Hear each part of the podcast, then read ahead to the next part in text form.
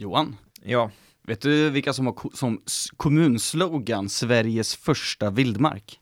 nej den har jag missat faktiskt. Du har missat den? Ja. ja då får du reda på det alldeles strax.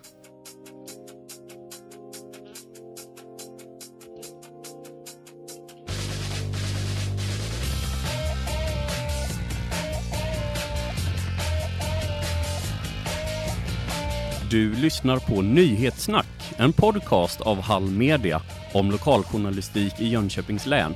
Ansvarig utgivare Herman Nikolic.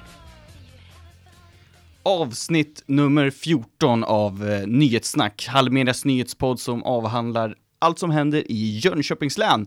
Eh, jag heter Joel Jonsson och vi står här i en liten ny poddstudio. Jag, jag trivs rätt bra här, eh, tycker jag i alla fall. Vad tycker du Johan Nordenström som är med mig? Ja men det är skönt, vi flyttar upp till ett lite ljusare rum. Innan var vi nere i källaren, nu är vi i toppen på huset här. Men dessutom är lite ljusinsläpp så det känns lite fräschare och lite ljusare. Och vi har en ny gäst i Nyhetssnack, eh, Carl Ljungqvist. Välkommen! Tack så jättemycket, kul att vara här. Jag har ju snackat mycket i våra sportpoddar tidigare, men att kliva in i den här podden så det är väldigt spännande. Ja, jag tänkte fråga dig vem du är, men du gick händelserna i förväg här, men du kan väl utveckla. Vad, vad gör du för någonting på Mm. Hallmedia?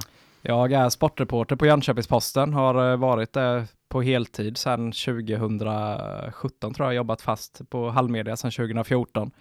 Och eh, blir mycket fotboll, mycket hockey givetvis, men andra sporter också. Men just nu så är det inga matcher som spelas på grund av det här coronaviruset som vi alla känner till väldigt väl vid det här laget. Eh, så att, eh, men eh, det gäller att fylla sin tid ändå, kanske vara med i sådana här poddar och sen göra lite listor som vi ska gå in på senare och sen bevaka sporten i, på andra sätt än att just kolla på matcher. Ja, vi kommer återkomma till just det. Hur jobbar man som sportreporter när ingen sport händer i princip? Eh, men jag tänker vända mig till dig, Johan Odenström, för dagens första ämne och det är babadabam, eh, föga förvånande, coronaviruset och hur påverkar det Jönköpings län? Vad ja, precis. Exakt. Ja, vi hade ju Daniel Henriksson med oss förra avsnittet här, en regionreporter. Han hade ju stenkoll, men jag bad honom att skicka skicka över lite grejer han har rapporterat om den senaste tiden. Ja, och förra avsnittet så var ju första gången som jag inte var med i Nyhetssnack. Jag var ju hemma och var lite så här karantänad och eh, kunde inte ta mig hit till jobbet. Fick inte ta mig hit till jobbet. Eh, det var ingen fara med mig, jag hade lite feber sådär, var över på någon dag. Eh, men man ska ju vara hemma, eh, man ska ha några sådana här buffertdagar som man, man är hemma, så det var jag. Vi är Eh, väldigt glada över att du hade dina buffertdagar också. Ja. Eh, tackar vi Precis. för. I synnerhet när man står i en poddstudio känns det betryggande att du inte tog dig hit med symptom. Så det kändes lite sådär liksom, oj nu är inte jag med. Här, den här podden har ju varit lite av min bebis eh, det senaste halvåret. Men ni klarade galant. Det var nästan så att jag blev orolig och kände mig lite hotad av din fantastiska programledarroll som du hade Johan. Men nu har jag tagit tillbaka den och kanske har ett visst revir här i vårt nya poddstudio. Ja, jag känner du håller hårt i den från början här. Vi ska se om jag kommer göra en comeback så småningom. Precis, men nu ska du få fortsätta det du ska ja, prata exakt. om. Jo, som sagt, Daniel Henriksson då, som nu sitter på regionfullmäktige här och bevakar lite frågor, han skickade med mig lite grann hur läget ser ut här. Och eh, ja, ska vi dra det lite grann, bara lite statistik, nu ändras ju det här hela tiden, så det kan ju vara nya siffror imorgon får man ju säga då, men vi har då 40 Ja, då Ja. ska vi säga då helt enkelt vilket datum det är. Ja, det kanske det, är, det är förmiddagen, tisdagen, den 7 april, när vi har de här siffrorna. Precis, bra där. Eh, 48 patienter vårdas på sjukhus i länet då, enligt regionen, enligt de senaste siffrorna vi har. Vi har 13 dödsfall, eh, 233 smittade. Och bara för att visa hur snabbt det här går när vi skrev en artikel någonstans i förra veckan så var det 35 patienter då som vårdades på sjukhus, 9 dödsfall och 135 smittade. Så det går ju, det ökar ju snabbt här. Uh, och då i, nu så håller man på att rusta upp, det pratade vi om i förra avsnittet också, man håller på att rusta upp nu på, på de olika sjukhusen. På Rychov så har man då ordnat med 80-90 vårdplatser speciellt för coronapatienter. Eh, eller man ska ordna det i slutet av veckan då. Det finns ju fler vårdplatser än så, men då ska man ha speciellt då så det blir lite lättare eh, att vårda just dem. Ehm, och sen så även på Eksjö och, eller på Höglandssjukhuset och Värnamo sjukhus menar jag, håller man också på då att öppna upp separata avdelningar.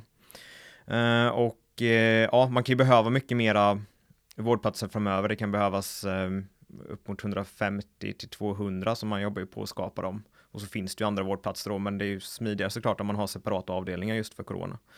Ehm, ja, så det händer mycket grejer. Det är svårt att få med allting, men sen också nu på torsdag den här veckan så öppnar särskilda infektionsmottagningar vid länets tre sjukhus dit personer med luftvägsinfektion då, där man som då kräver att man tar en närmare titt på det kan gå in då. Det vid sjuk, länssjukhuset i Hov så är det ett tält och så står det. Det Hur ser det ut? Har vi, har vi, har vi bilder på det? Ja, vi har en bild, jag vet inte om det var på det tältet, det var nog på ett tidigare annat tält, men det ser ut som ett militärtält lite grann sådär, eller sj- sjukhustält typ. Och så är det bara för att då kan ju de ha skyddsutrustning hela tiden. Då slipper de hålla på och byta eller att, att det är risk att man smittar någon på vägen, så det är så att de som kan ha corona hamnar där istället för undersökning då. Ehm, och ja, så man öppnar upp lite sådana grejer och ehm, Ja, så, så man håller på att förbereda sig då för, för att det här kan bli en snabb ökning och som sagt man ska då kunna hantera eh, 150 till 200 vårdplatser ska man kunna ha i värsta fall då eh, 40 till 50 intensivvårdsplatser så det är full, full rulle där nu när man förbereder sig. Är det taket då? Ja, som man tror utifrån de prognoser som, som har kommit, alltså tak, alltså det är så man tror att det är värsta scenariot än så länge och då de siffror man utgår ifrån.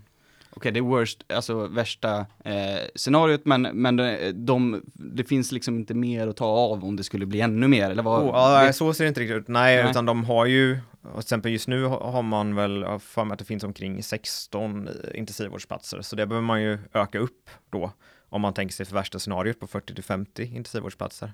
Så, så man, men det är ju ett värsta scenario så det är inte säkert att det behövs så många, men man håller väl på att se över allt man har liksom och bygga ut och sådär.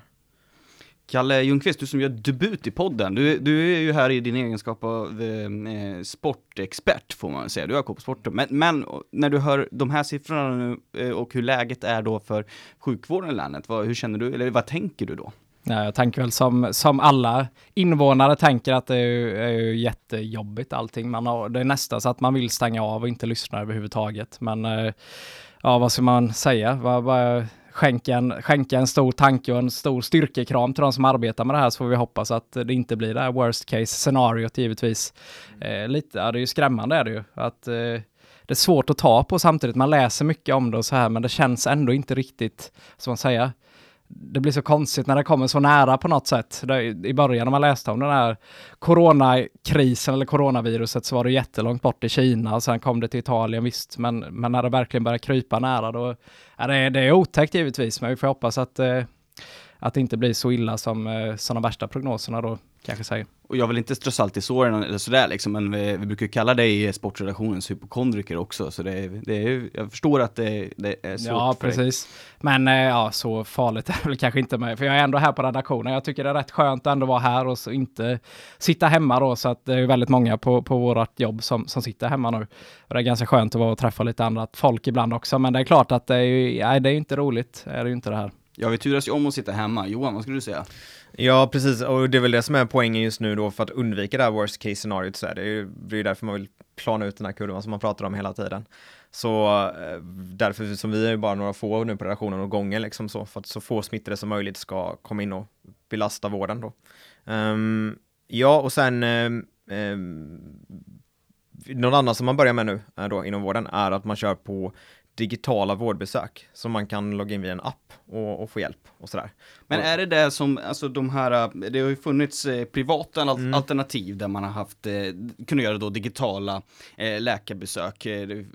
Jag ska inte nämna något specifikt, men det finns, fanns flera olika och det här har ju fått ganska stor, det har dels såklart blivit hyllat, eh, att det avlastar sjukvården, men det har också fått stor, stor kritik. Men eh, det här blir alltså då verkligheten även i den offentliga sjukvården under coronakrisen. Ja, men lite så. Alltså grejen är, de har ju haft då ett arbete med att ställa om till digitala vårdbesök som man kallar det. Men eh, här blir det då liksom, då är det ju land, tidigare landstinget, alltså regionen nu då som ska fixa detta. Och det har varit på gång, men nu säger man att den omställning man hade planerat att göra på ett år gör man nu under tio dagar ungefär. Så tusen vårdutövare utbildas just nu i det här då.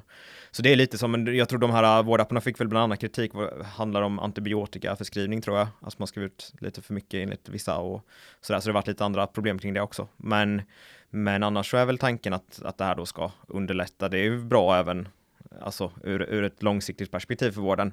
Men nu blir det extra aktuellt att snabbt göra detta. Så jag tycker det säger en del om omställningen när de ska göra så mycket på kort tid, ställa om så mycket på kort tid.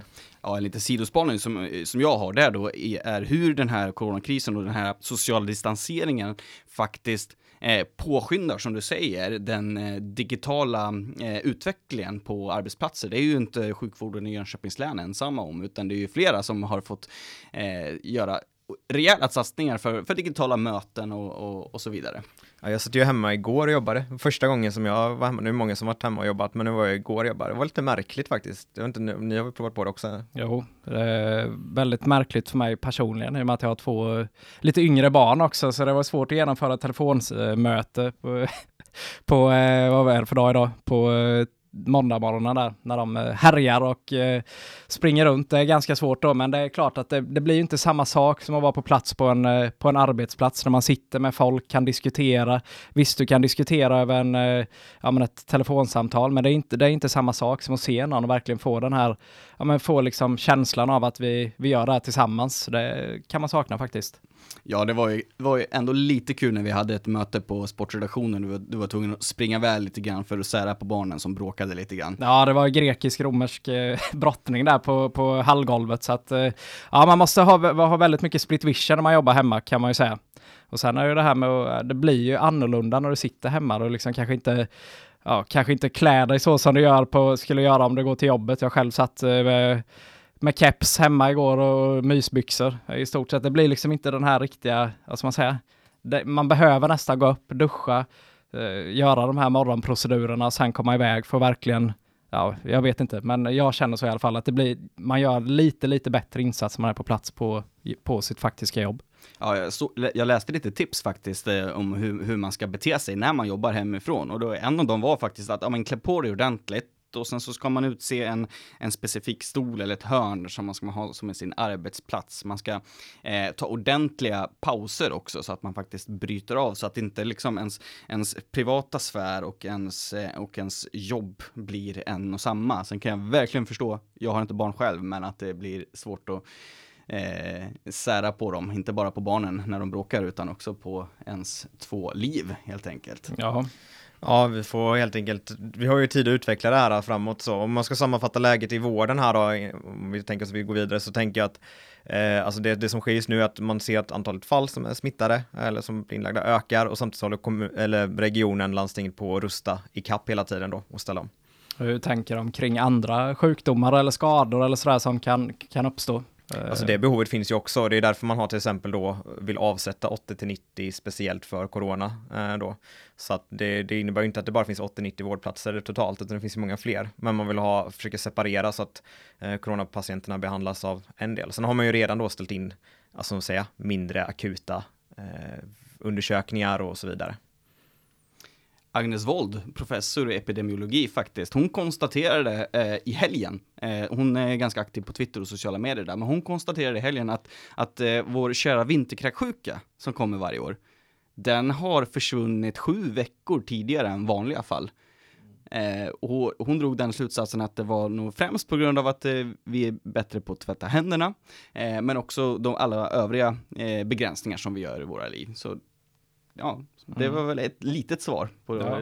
eh, på din fråga. Precis, men sen har det varit, eh, kommer inte ihåg exakt vad jag läste där någonstans med lite rekommendationer om att barn kanske inte ska studsa hur mycket som helst på studsmattor och sådär. Det ska inte vara sådana här onödiga benbrott eller man säger i sådana här lägen kanske man får tänka till lite extra med vad man gör eh, hemma. Eh, kan jag tänka mig. Man kan ju, kanske inte ska begränsa sig för mycket. Man måste ju kunna leva på något sätt också. Men det är klart att ett brutet ben så här mitt i de här tiderna kanske inte är det bästa läget att bryta benet. Eller vad, vad tror ni? Ja, alltså om inte annat av just hänsyn till vården då, som eh, just nu försöker ställa om personal och resurser till helt corona, så det är väl bra att undvika att, eh, att, eh, att hamna i en sån situation. Samtidigt som klart, är man i behov så måste man ju söka vård.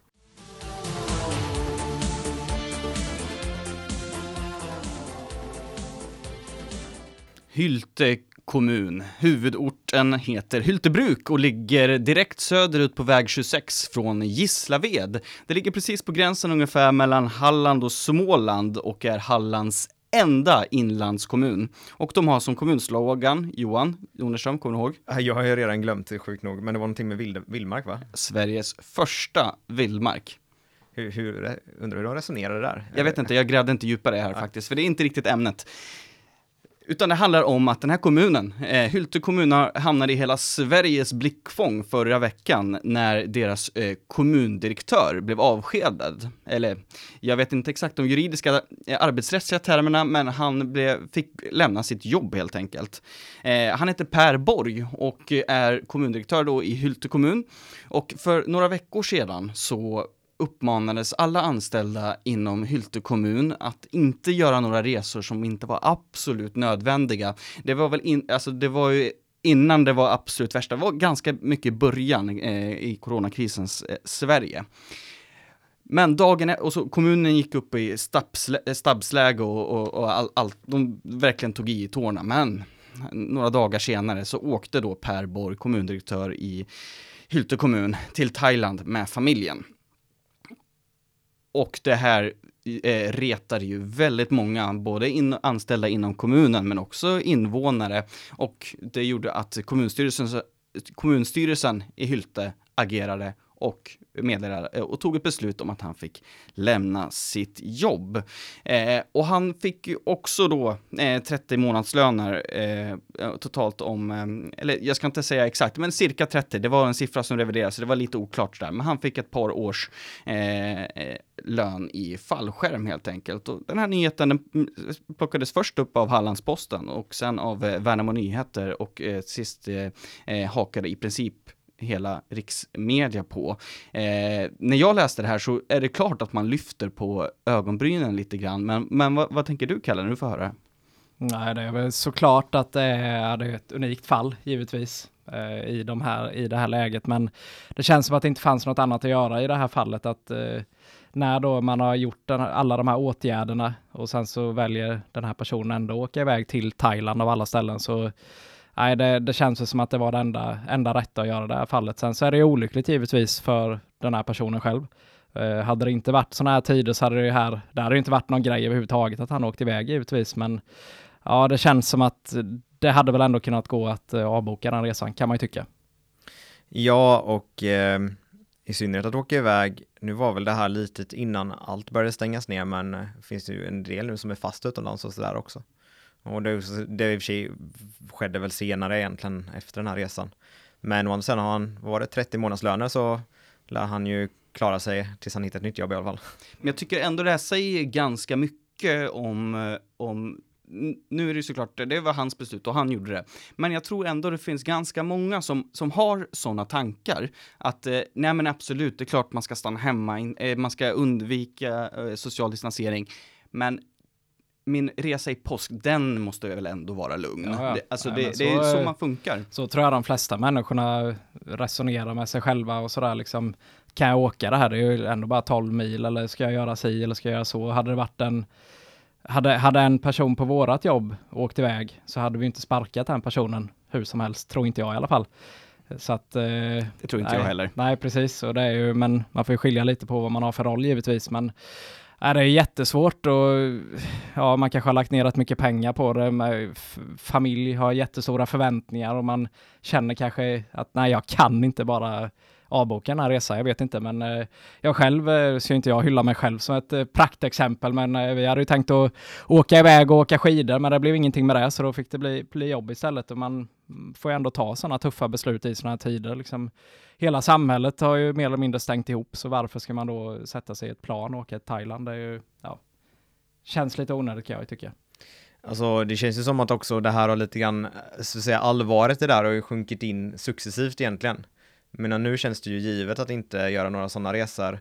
Men eh, i början precis där så var det mycket som var oklart. Jag tror det tog ett tag för alla att verkligen inse att okej, inga resor, om du är äldre ska du isolera dig. Alltså det tog ett tag innan det sjönk in tror jag hos allmänheten. Vi är så vana vid att ha fullkomlig rörelsefrihet och göra vad vi vill.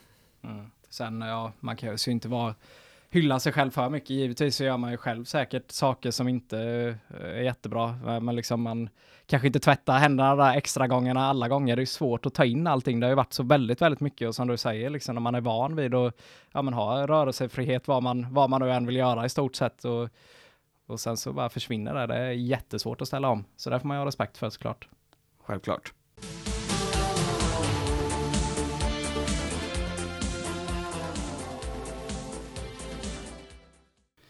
Carl Ljungqvist, ja, du, Mm. nu får vi ju passa på nu när du eh, gör debut här i podden och faktiskt eh, eh, prata om ditt expertområde. Och det är ju sport. Mm, precis.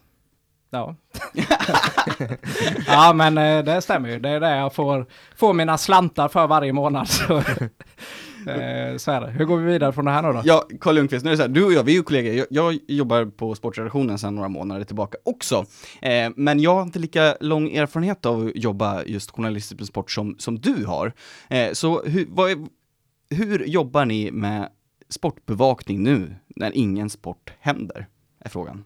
Ja, det är någonting vi, den frågan vi ställer oss själva varje dag också. Nej, men det är ju, det finns ju alltid saker att göra. Du kan ju ringa upp egentligen vem som helst som håller på och sparka på någon boll eller håller i en innebandyklubba och göra ett reportage. Men det, man får ju försöka liksom tänka lite utanför boxen ändå. Vi hade ju, man får försöka liksom se, till exempel som jag har en kollega Magnus då, Sundvall, som eh, så jag ska inte avslöja vad han ska göra, för det får ni läsa först, men eh, han har en artikelserie som heter Idrottens hemligheter, där han, eh, ja men saker man kanske funderar på inom idrottens värld, eh, olika företeelser och ting som han, eh, ja men gräver lite djupare i och sådana grejer kanske man får hugga in lite på nu när det finis tid att göra det. Mm, tidigare delar där har väl till exempel varit handbollsklister Mm. eh, och eh, curlingis tror jag. Ja, curlingis och hur man vallar skidor till Vasaloppet och ja, massa olika saker. Mm. Eh, men du, har ju, du och eh, din kollega Patrik, ni har ju också eh, hållit på med något, eh, ett väldigt stort jobb och ganska länge, eh, långt innan eh, coronakrisen började, men som är klart och publicerat nu. Och det är, handlar om H- HV71s 100 bästa spelare genom tiderna. Mm.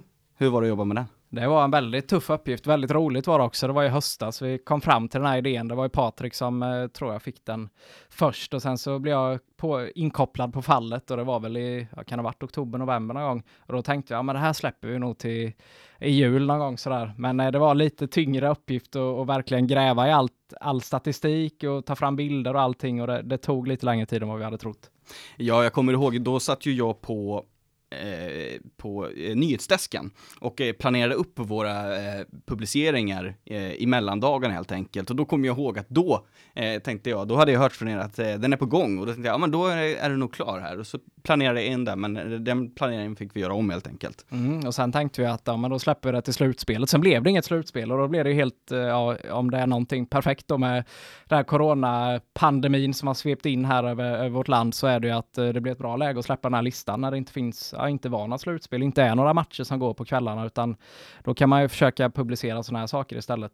Ja, men jag är lite ny, alltså, ja precis, det finns ju tid att, att gå igenom den här också, men hur lång tid har det tagit att göra den? Jag tänker det måste varit, ni har ju gått tillbaka, långt tillbaka i tiden här.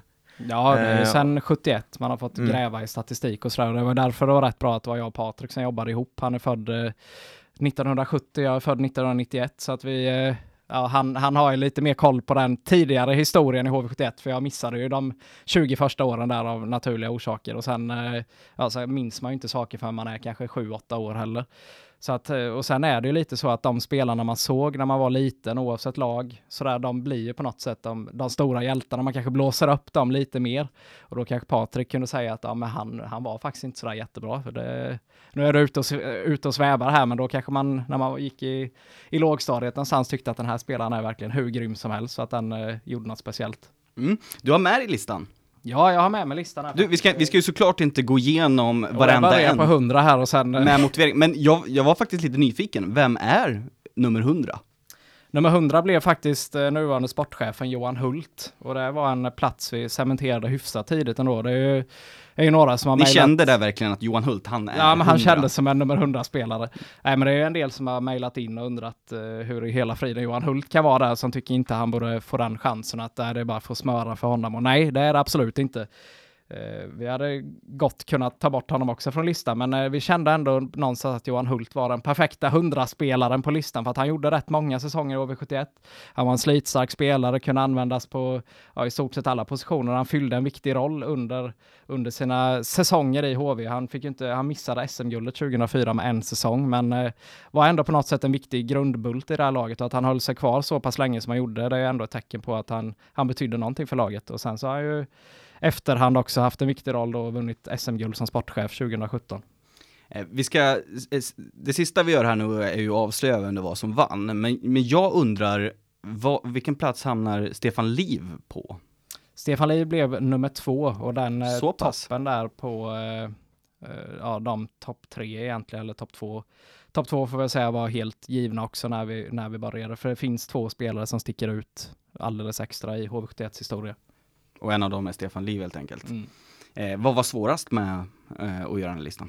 Det är ju jättesvårt att jämföra spelare och olika epoker. Alltså hockeyn såg ju helt annorlunda ut i början av 70-talet ja, och sen eh, såg den annorlunda ut på 90-talet, annorlunda ut på 80-talet och på 2000-talet och 2010-talet så är det jättesvårt. Men eh, och sen så ska man komma ihåg att HV var en ny förening på 70-talet och sen spelade man ju inte första säsongen på högsta nivå då första elitsäsongen var 79-80 och sen var man nere i andra division några år igen tills 1985 då man inte har trillat ur. Så det är ju också svårt att jämföra spelare som gjorde ja, men 88 poäng kanske i, eh, på lite lägre nivå jämfört med någon som gör 35 på högsta nivå.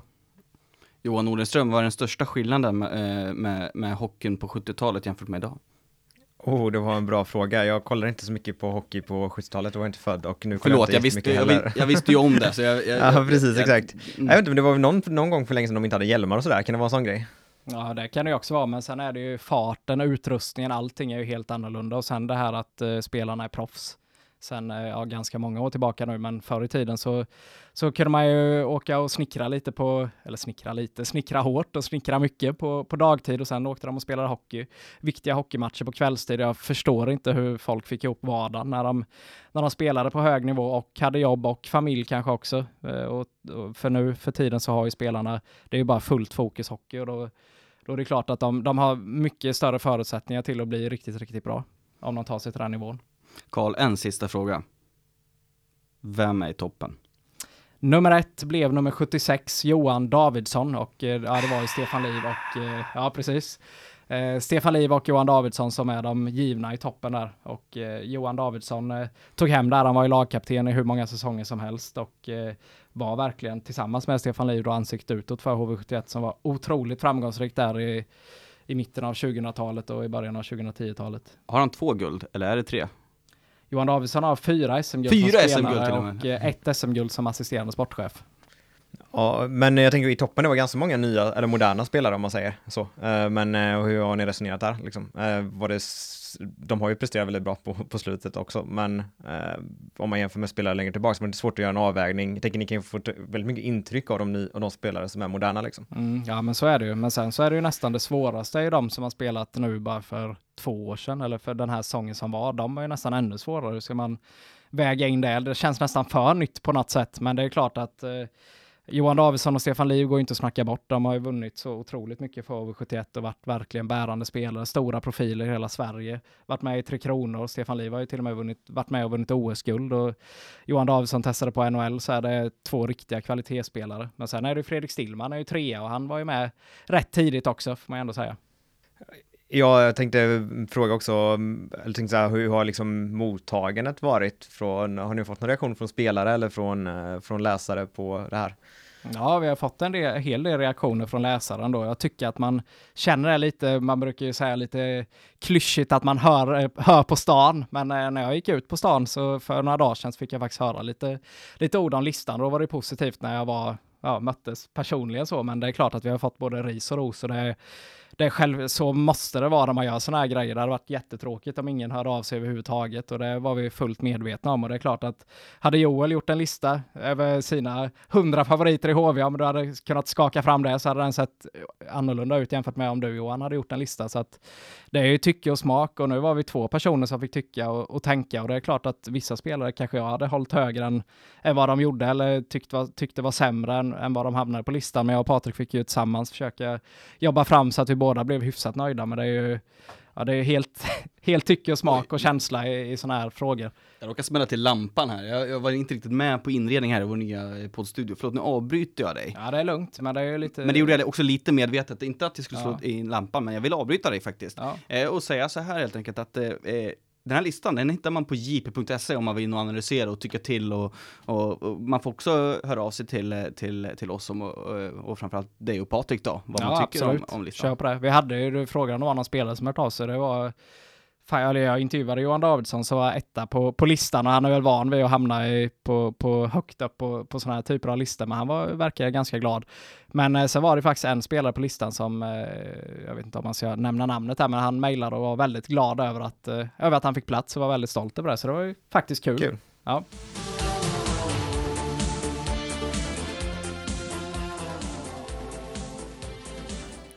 Kalle, vi har ett eh, segment i den här podden som heter Nyhetssnacks.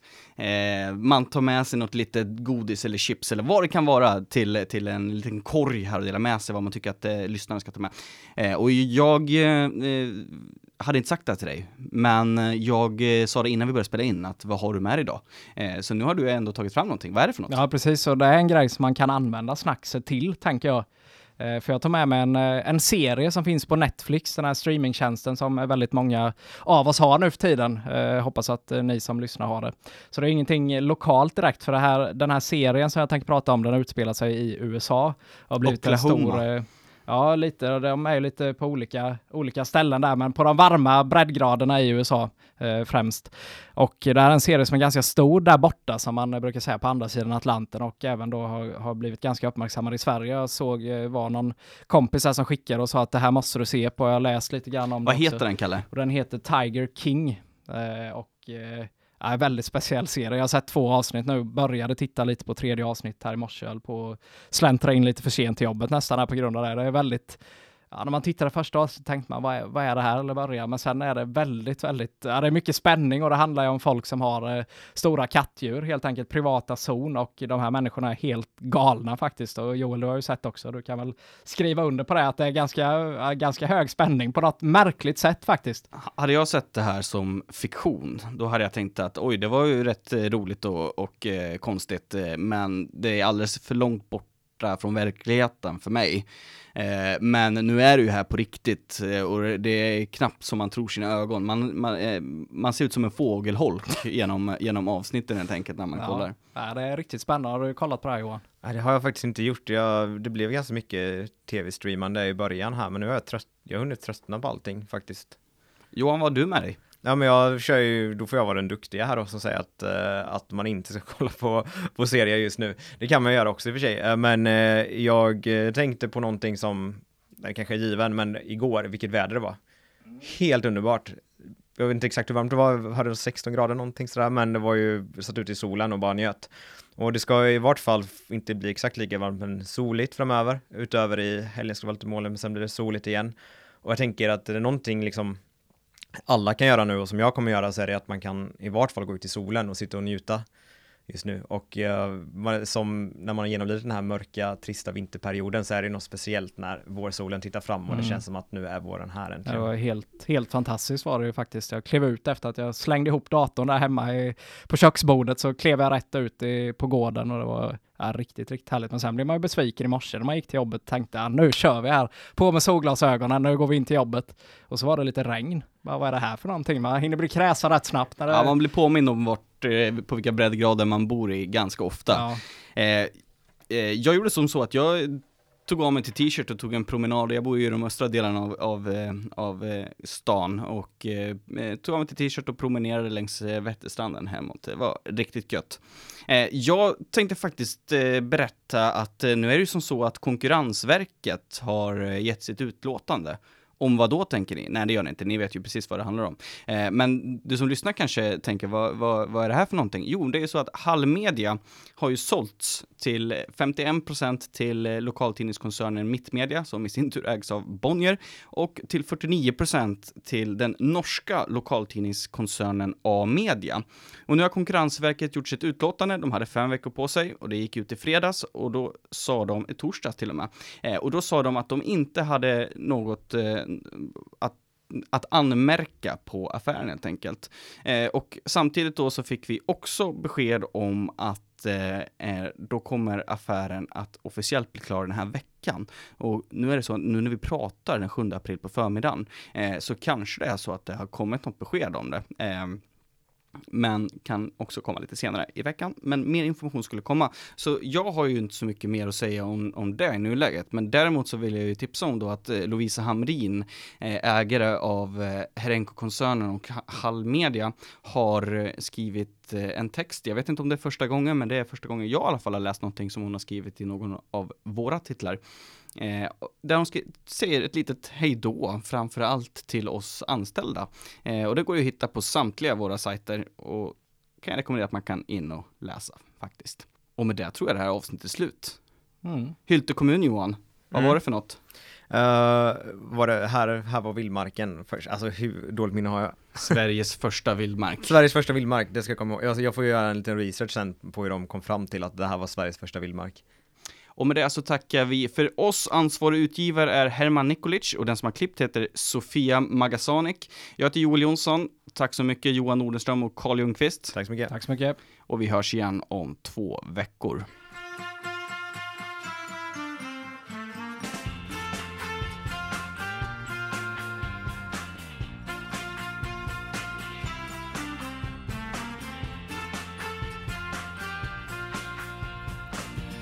Har lyssnat på Nyhetssnack, en podcast av Hall Media om lokaljournalistik i Jönköpings län.